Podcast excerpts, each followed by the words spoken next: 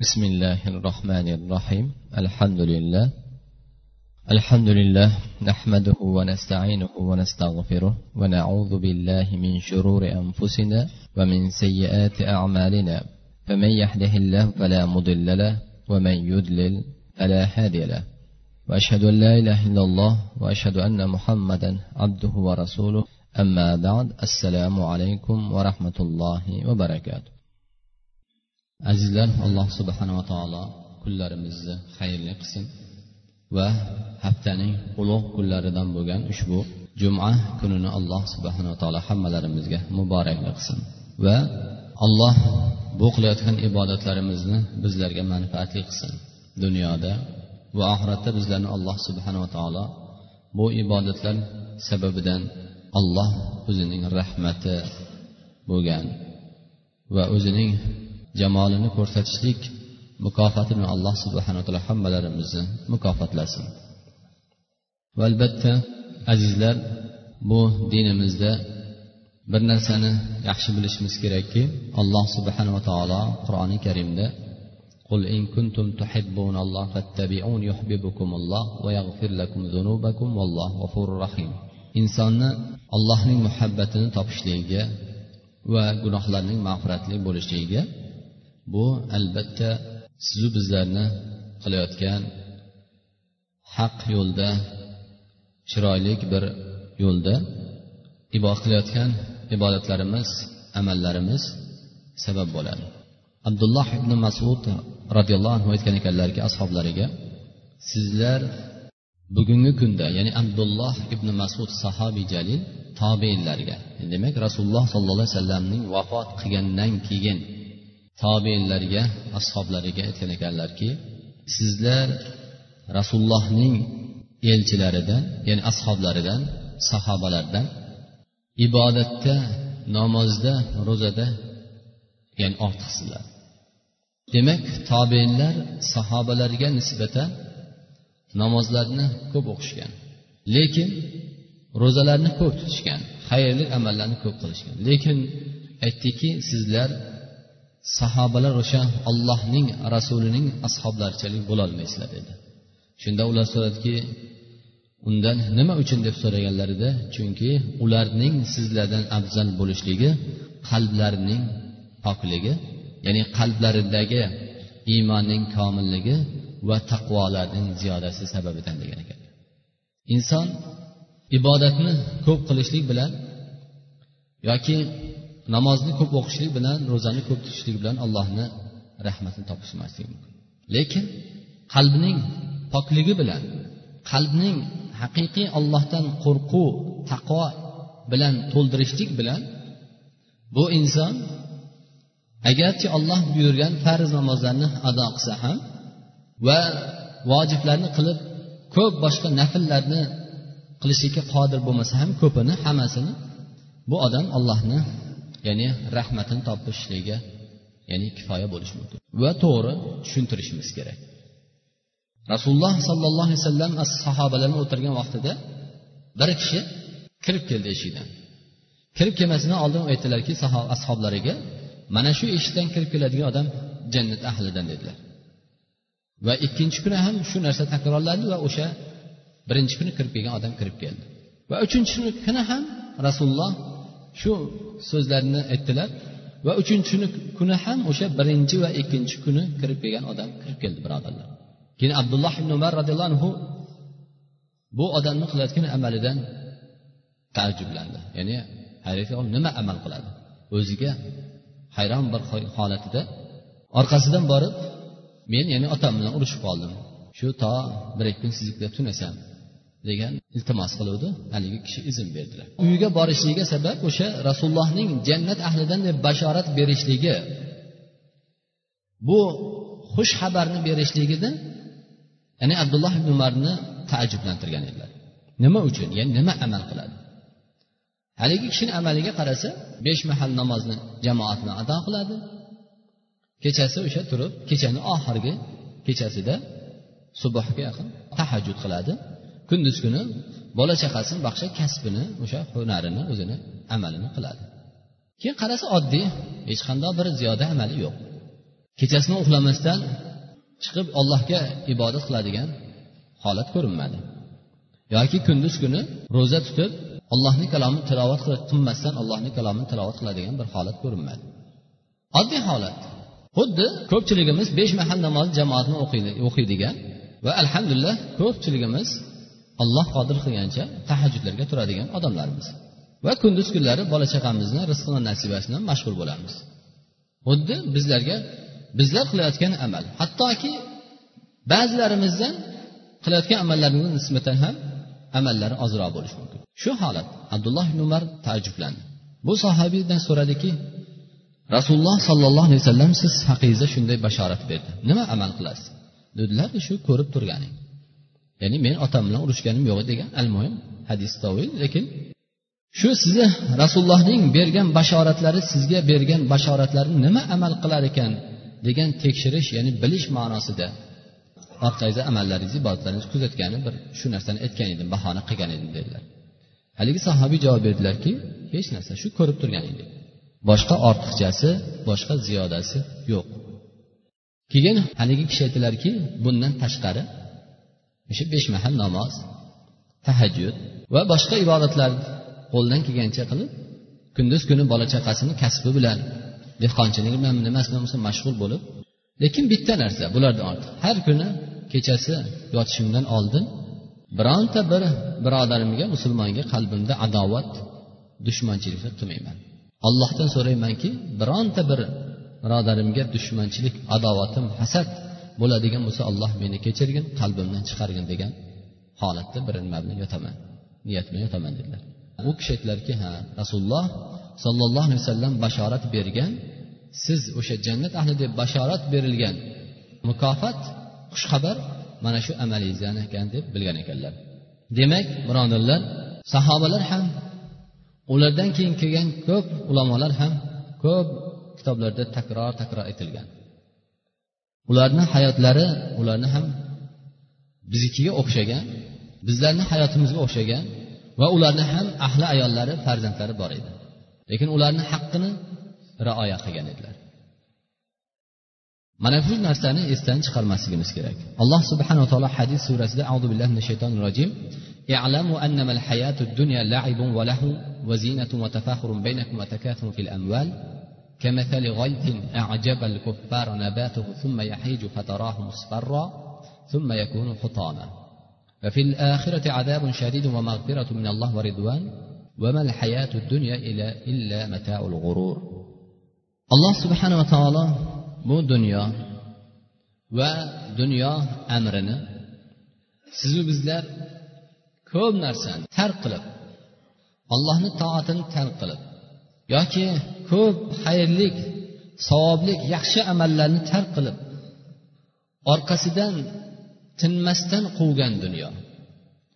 Na halolini bilmasdan na uni haromini bilmasdan uni haqiqatini bilmasdan bizlar kechalari va kunduzlari mashg'ul bo'lib va buni orqasida ko'pgina janjal ixtiloflar adovatchiliklar hasad. Er xotinni ayrilishga sabab bo'layotgan narsalar. Ota bolalarni ayrilishiga sabab bo'layotgan narsalar. Va aka ukalarni qavmi qarindoshlarni o'rtasidagi silay rahmlarni uzilishiga sabab bo'lgan mol dunyoni alloh subhana taolo sifatladi.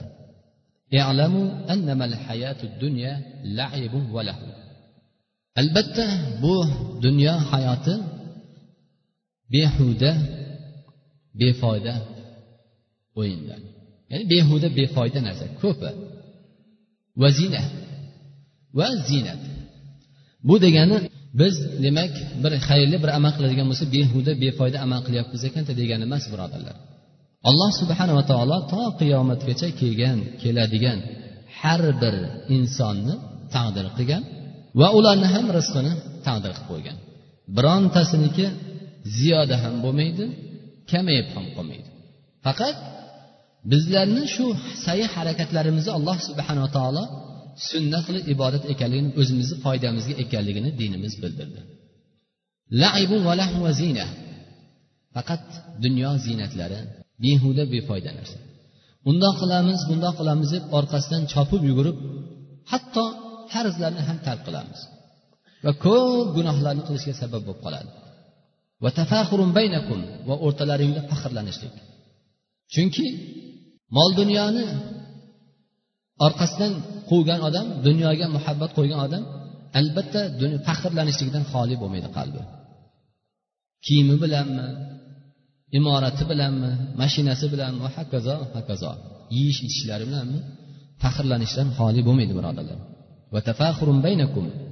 O'rtalarida faxrlanishlik. Bir birlariga kibr va mol dunyo va farzandlarning ko'pligi bilan faxrlanishlik va shuni orqasida ko'paytirishlik bilan mashg'ul bo'lishlik. Xuddi ya'ni qurg'oqchilikdan keyin yomg'ir yog'ib yerni ko'kartirganda insonning ko'zi qandoq quvonadi alloh subhana tashbeh qildi. Bu dunyo egalari ham mol dunyolarni yig'ib farzandlarining ko'pligidan ularning moli dunyosidan va ularni haloldan topyaptimi haromdan topyaptimi bunisi e'tibori yo'q. Lekin shu bilan faxrlanib o'tib ketadi. Imoratini qurib qo'yib imoratiga qarab tomosha qilib yoki boshqa narsa dunyo matolaridan erishgan narsasiga qarab tomosha qilib xuddi ko'katni o'sha yerdan o'sib chiqqan ko'kat qandoq qaragan odamni ko'zini quvontirgandek bular ham xuddi shundoq o'tib ketadi dedilar. Ya'ni dunyoga moyil bo'lgan dunyoga muhabbat qo'ygan kimsalar robbisini bu ne'matni bergan egasini haqqini toatini esdan chiqargan kofirlarga o'xshash. Yerdan o'sgan har qanday ko'kat hammalarimizga ma'lumki u nihoyasi bo'ladi sarg'ayadi. Va so'ngra u o'tinga aylanadi. Dunyo ham xuddi shundoq. Xuddi insonning hayoti ham xuddi shundoq bo'lgandek. Yoshlik go'daklik vaqtimiz. Yoshlik navqiron yigitlik vaqti kuch quvvatga to'lgan vaqti. Va undan keyin keksayish va qarish vaqtlari. Alloh subhanava taolo allohu allazi xalaqakum min da'fin thumma ja'ala min ba'di da'fin quwwa thumma ja'ala min ba'di quwwa da'fan va shayba. Yaxluqu ma yasha va huval alimul qodir alloh subhanava taolo sizlarning zaiflikdan yaratdi. Hammalarimizni hech narsaga qodir bo'lmagan. Go'daklik vaqtimizda biron bir narsaga qodir bo'lmagan zaif bir holat edik. O'zimizni na taomimizni yeyishlik na ustimizni o'rashlik na tagimiz najosatlardan poklanishlik bularni alloh subhanava taolo sizlarning zaiflikdan va undan so'ngra zaiflikdan quvvat berdi. O'sib ulg'ayish kuch quvvatga kirishligi. Va undan keyin yana qaytishlik zaiflikka qaytishlik keksayishlik va undan keyin qarishlik. Mana bular hammasi min ba'din quvva quvvatdan keyin yana zaiflik va keksalik. Alloh subhanava taolo xohlagan narsasini yaratuvchi va u zot ilm egasi bo'lgan va har bir narsaga qodir bo'lgan zot. Alloh subhanaa taolo ushbu oyatda birodarlar inson o'simlik xuddi ko'z oldimizda ko'rib turgan o'tlar yerdan chiqqan o'simliklarning holati qandoq bo'lsa biz ham xuddi shundoq. Albatta ko'zlarimiz quvonadi. Mol dunyolarimiz bilan va buni nihoyasi bo'ladi. Buni oxiri bo'ladi birodarlar. Bu narsa abadiy qolmaydi. Agar abadiy qolganda o'tgan mol dunyoga ega bo'lgan podsholarni zurriyatlari bugungi kunda dunyo egalari mol dunyoga ega bo'lgan odamlar bo'ladi.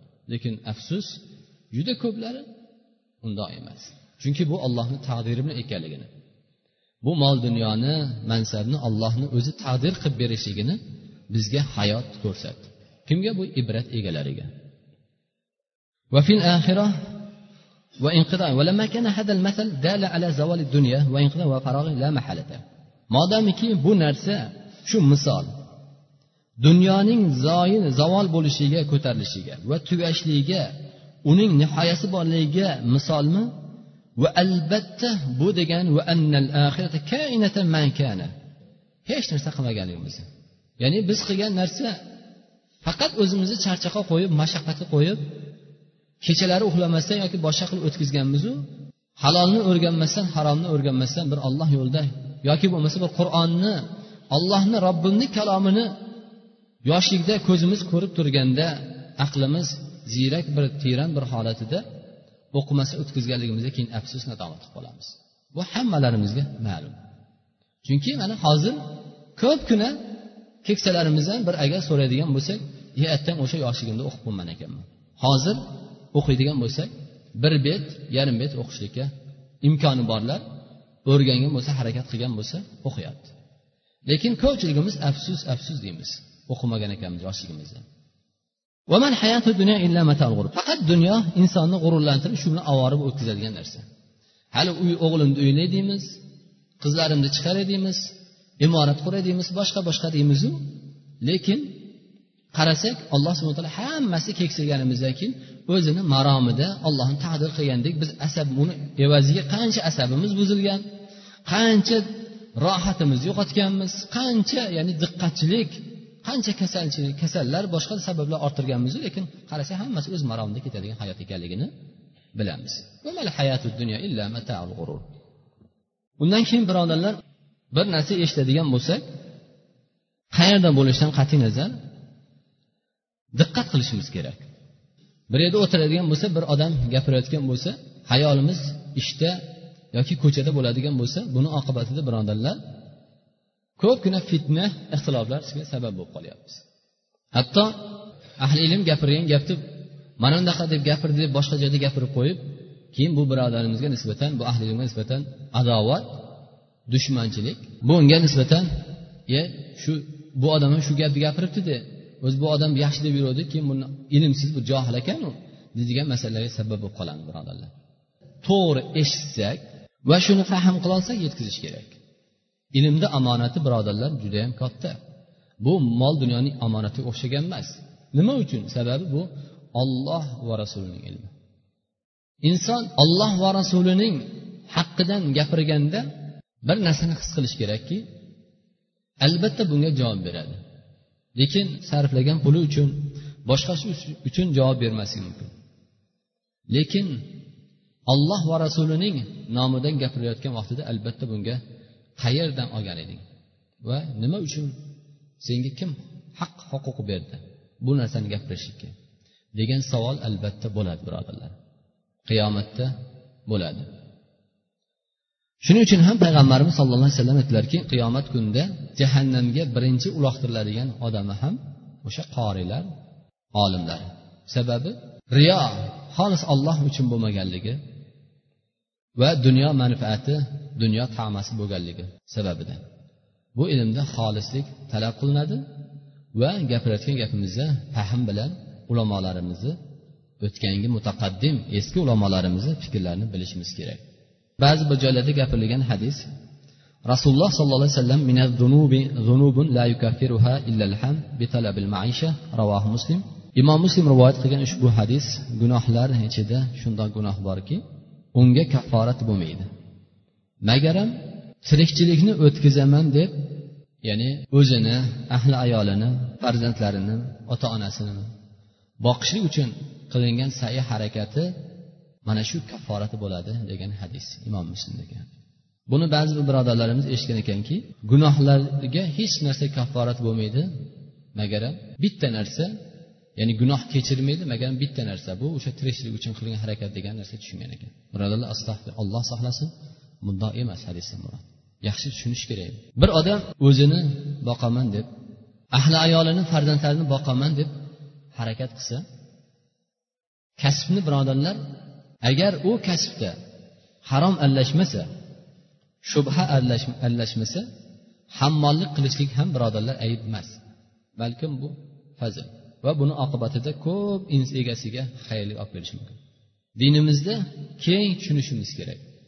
Farzand o'zini farzand ahli ayol ota onalarini boqishlik uchun halol mehnat qilsa halol kasb qilib harakat qiladigan bo'lsa gunohlar ko'p. Hammamiz gunohlar. Bir odam bitta gunoh bo'lsa, ikkinchisi boshqa gunoh.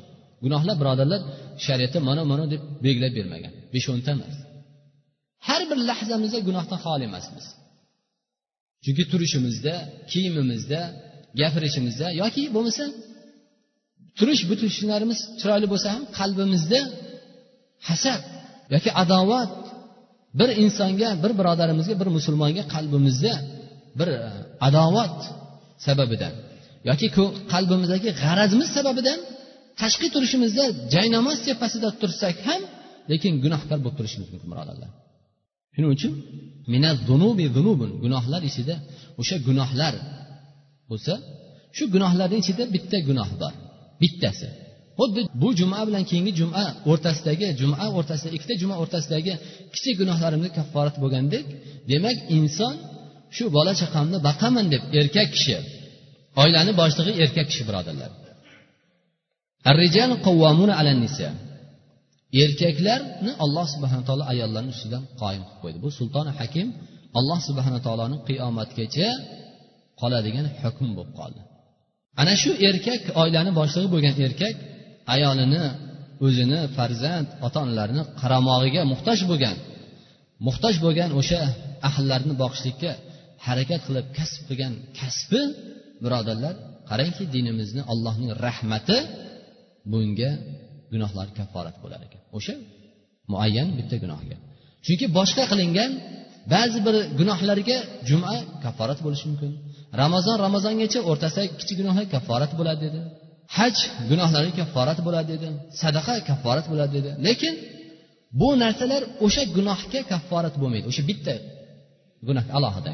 Bunga faqat o'sha haligi aytganimizdek tirikchilikni halolidan harakat qilib qilingan sa'y harakati mashaqqati tortilgan o'sha gunoh kafforat bo'ladi dedi imom muslim rivoyat عن المقداد ابن معد كرب رضي الله عنه قال قال رسول الله صلى الله عليه وسلم ما أطعمت نفسك فهو لك صدقة وما أطعمت ولدك فهو لك صدقة وما أطعمت زوجتك فهو لك صدقة وما أطعمت خادمك فهو لك صدقة أخرجه أحمد ahmad rivoyat qilgan hadisda miqdad ibn madi karb roziyallohu anhuga rasululloh sollallohu alayhi vasallam aytdilarki o'zingni qorningni to'ydirish uchun sarf qilingan bergan taomim ham sendan sadaqa. Birodarlar o'zlarimizni qornimni to'ydiraman ochlikdan saqlanaman deb qilingan sa'y harakatimiz kasbimiz ham agar haloldan bo'lsa bu ham birodarlar bizni sadaqa bo'lar ekan. Farzandimni boqaman deb harakat qilsak bu ham sadaqa birodarlar. Bu ayolimni boqyapman. Farzandimni boqdim senlarni shuncha deymizu lekin birodarlar al jazo min jinsil amal. O'sha boqayotgan farzandlarimizni ahli ayollarimizni boqishlik ibodat ekanligini his qilib va alloh uchun bizlarga bu omonat ekanligini bilsak bu farzandlarimiz ahli ayolimiz bizga omonat ekanligini bilib alloh uchun ularga minnat qilmasdan qiladigan bo'lsak albatta alloh subhana taolo buni jazosini ya'ni mukofotini qaytaradi bizga ham. Ko'pgina otalar ko'pgina holatimizni qarasak men senlarda shuncha boqdim yedirdim ichtirdim deymiz boshqa minnatdan bo'shamaymiz va lekin qarangki o'sha ahli ayol farzandlarimizni boqamiz deb qilgan sa'y harakatimiz ham ibodat ekanligini savob ekanligini alloh tomonidan. Va albatta alloh uchun qilingan savobda alloh subhana taolo jazosini berishlikka ham va'da qildi. Va xuddi shunday xizmatkoriga ham taom berishlik bu o'sha odam nomidan sadaqa ekanligini. من أنفق على نفسه نفقة يستعف بها فهي صدقة ومن أنفق على امرأته وولده وأهل بيته فهي صدقة إمام طبراني رواية bir odam o'zining nafsini birovlarga tilamchi bo'lishligidan sadaqa so'rab tilamchilik qilishlikdan iffatini saqlashlik uchun tirikchilik qilingan sa'y harakati ham o'sha odam nomidan sadaqa ekanligini Va ayolini farzandini ahli baytini uchun sarf qilingan taomlar ham olib berilgan liboslar ham birodarlar sadaqa ekanligini imom taboroniy ushbu hadisda rivoyat qilgan ekanlar. Uylanishlik birodarlar ibodat ekanligini bilishimiz kerak. Erkaklar oilani asosiy ustida turadigan qoim ekanligini bilishimiz kerak. Bu ayollarimizni boqtirishlik yoki ayollarimizni madikorga chiqarishlik yoki bu narsa emas birodarlar. Ayollar rasululloh sollallohu alayhi vasallam aytdilarki qiyomat kunida sizlar uchun ya'ni erkaklar uchun berilgan omonat va so'raladigan eng katta omonat bu ayollaring haqida so'ralasizlar dedilar. Demak ayollarimizni haqlari ularni yedirib qo'yishlik kiyintirib qo'yishlikdan avval ham ularning birinchi haqqi ollohni tanitishlik payg'ambarni bildirishlik halol haromni o'rgatishlik erni haqqini farzandlarni haqqini bildirib qo'yishimiz kerak. Birodarlar qaysi bir inson bir haqqini agar biz zoya qilsak ayolimizga nisbatan yoki farzandlarimizga nisbatan ularning haqlarini biz bittasini zoya qiladigan bo'lsakchi agar birodarlar buni alloh subhana albatta shu dunyoni o'zida ko'rsatadi bizga. Ya'ni u kunda o'sha ayolimizga yoki farzandimizning haqqiga zoya qilishligimiz sababidan ularni muhtoj bo'lgan kunimizda ularga ular bizlarni haqlarimizni zoya qiladi. Chunki bu farzandlarning boqamiz deb ularning harakatida ularga dunyo imorat boshqa boshqalar bilan yurganimizda birodarlar farzandlarimizni dinini iymonini ham o'ylab qo'yishimiz kerak. Ko'pgina otalar ko'pgina onalar birodarlar ko'p holatlarda mana ba'zi birodarlarimiz farzandlardan xato bo'lamiz. Chunki farzand shirinligi to bizlarni gaplarimizga itoat qiladigan o'sha yoshligida bo'ladi. Farzand o'zi mol dunyo topgandan keyin kuch quvvatga kirgandan keyin olloh qalbiga tavfiq bermasa bizni ko'zimizni quvontirmaydi. Shuning uchun ana shu bizlarni ko'zimizni quvontirish uchun farzandlarimizni yoshligidan oldimizga ovutirib halolni haromni o'rgatishimiz. Alloh subhana taoloning zotini u zotning ilmini qudratini eshitguvchi zot ekanligini va bizlardan har bir qilgan amali uchun yaxshisiga yaxshi yomoniga yomon jazo berishligini bildirib borsak albatta farzandlarimiz zoya qilmaydi. Bugun ko'pchilik yig'laymiz. Otalar onalar yig'lashimiz mumkin. Farzandlarimizni bizga itoatsizligidan xafa bo'lishi mumkin. Lekin birodarlar olloh zoya qilmaydi agar biz ularni haqqiga rioya qilsak.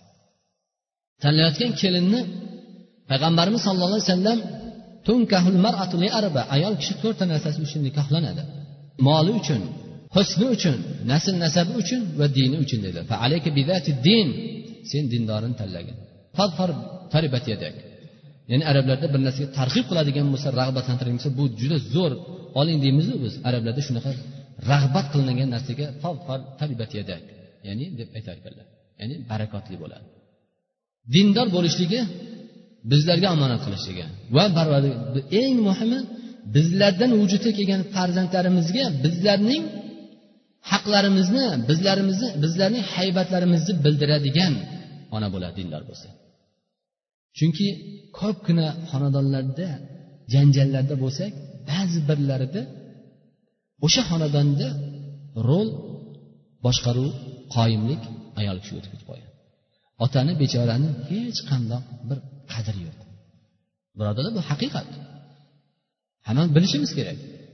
Erkak kishi boshqa yuraveramiz lekin qarasangiz haligi erkak kishini bechorani hech qanday bir birodarlar oilada qadri yo'q.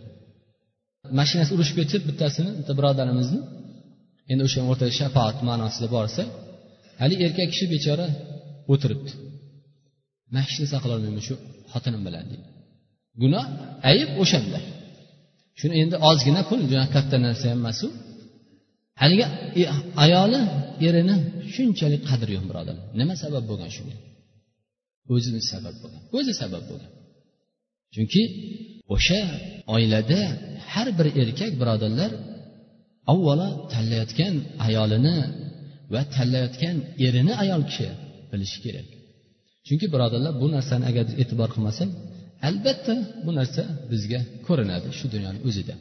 Yoki bo'lmasa bu ollohdan qo'rqishlik evaziga birodarlar otani haybatini singdiradi onaning muhabbatini beradi. undan keyin oilani yana takror aytamiz boqishlik ayol kishini farzandlarini boqishlik bu birodarlar erni vazifasi otani mas'uliyati buni bilishimiz kerak وصلى الله على سيدنا نبينا محمد وعلى آله وأصحابه أجمعين alloh hammalarimizni iymonda ibodatda sobit qadam qilgin parvardigoro o'zing qalb egasi o'zingsan va parvardigora har bir narsaga qodir bo'lgan zot o'zingsan Alloh parvadigori bizlarni isloh qilgin. Parvadigori qalblarimizni salomat qilgin. Shirkdan kufrdan nifoqdan ma'siyatlardan. Va parvardigoro bizlarga berilgan omonatlarning haqqiga rioya qiladigan bandalaringdan qilgin. Va bizlarni parvadigori ahli ayollarimizni farzandlarimizni zurriyatlarimizni haqlariga rioya qiladigan va ularning omonatini ado qiladigan bandalaringdan qilgin.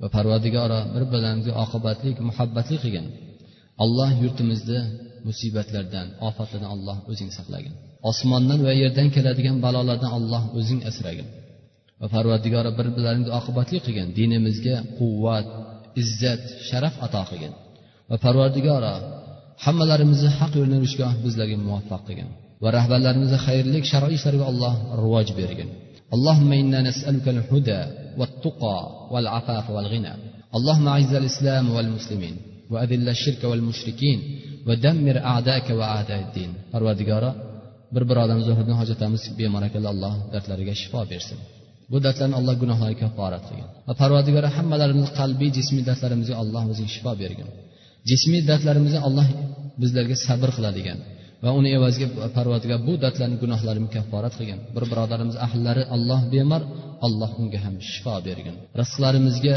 kasblarimizga tijoratlarimizni alloh dehqonchiliklarimizni chorvalarimizni haloldan topishlikka alloh bizlarga tavfiq bergin. Va parvardigori haloldan yeyishlikka alloh bizlarga muyassar qilgin. Va buni evaziga parvardigori bizlarni qalblarimizni taqvo bilan iymon bilan to'ldirgin.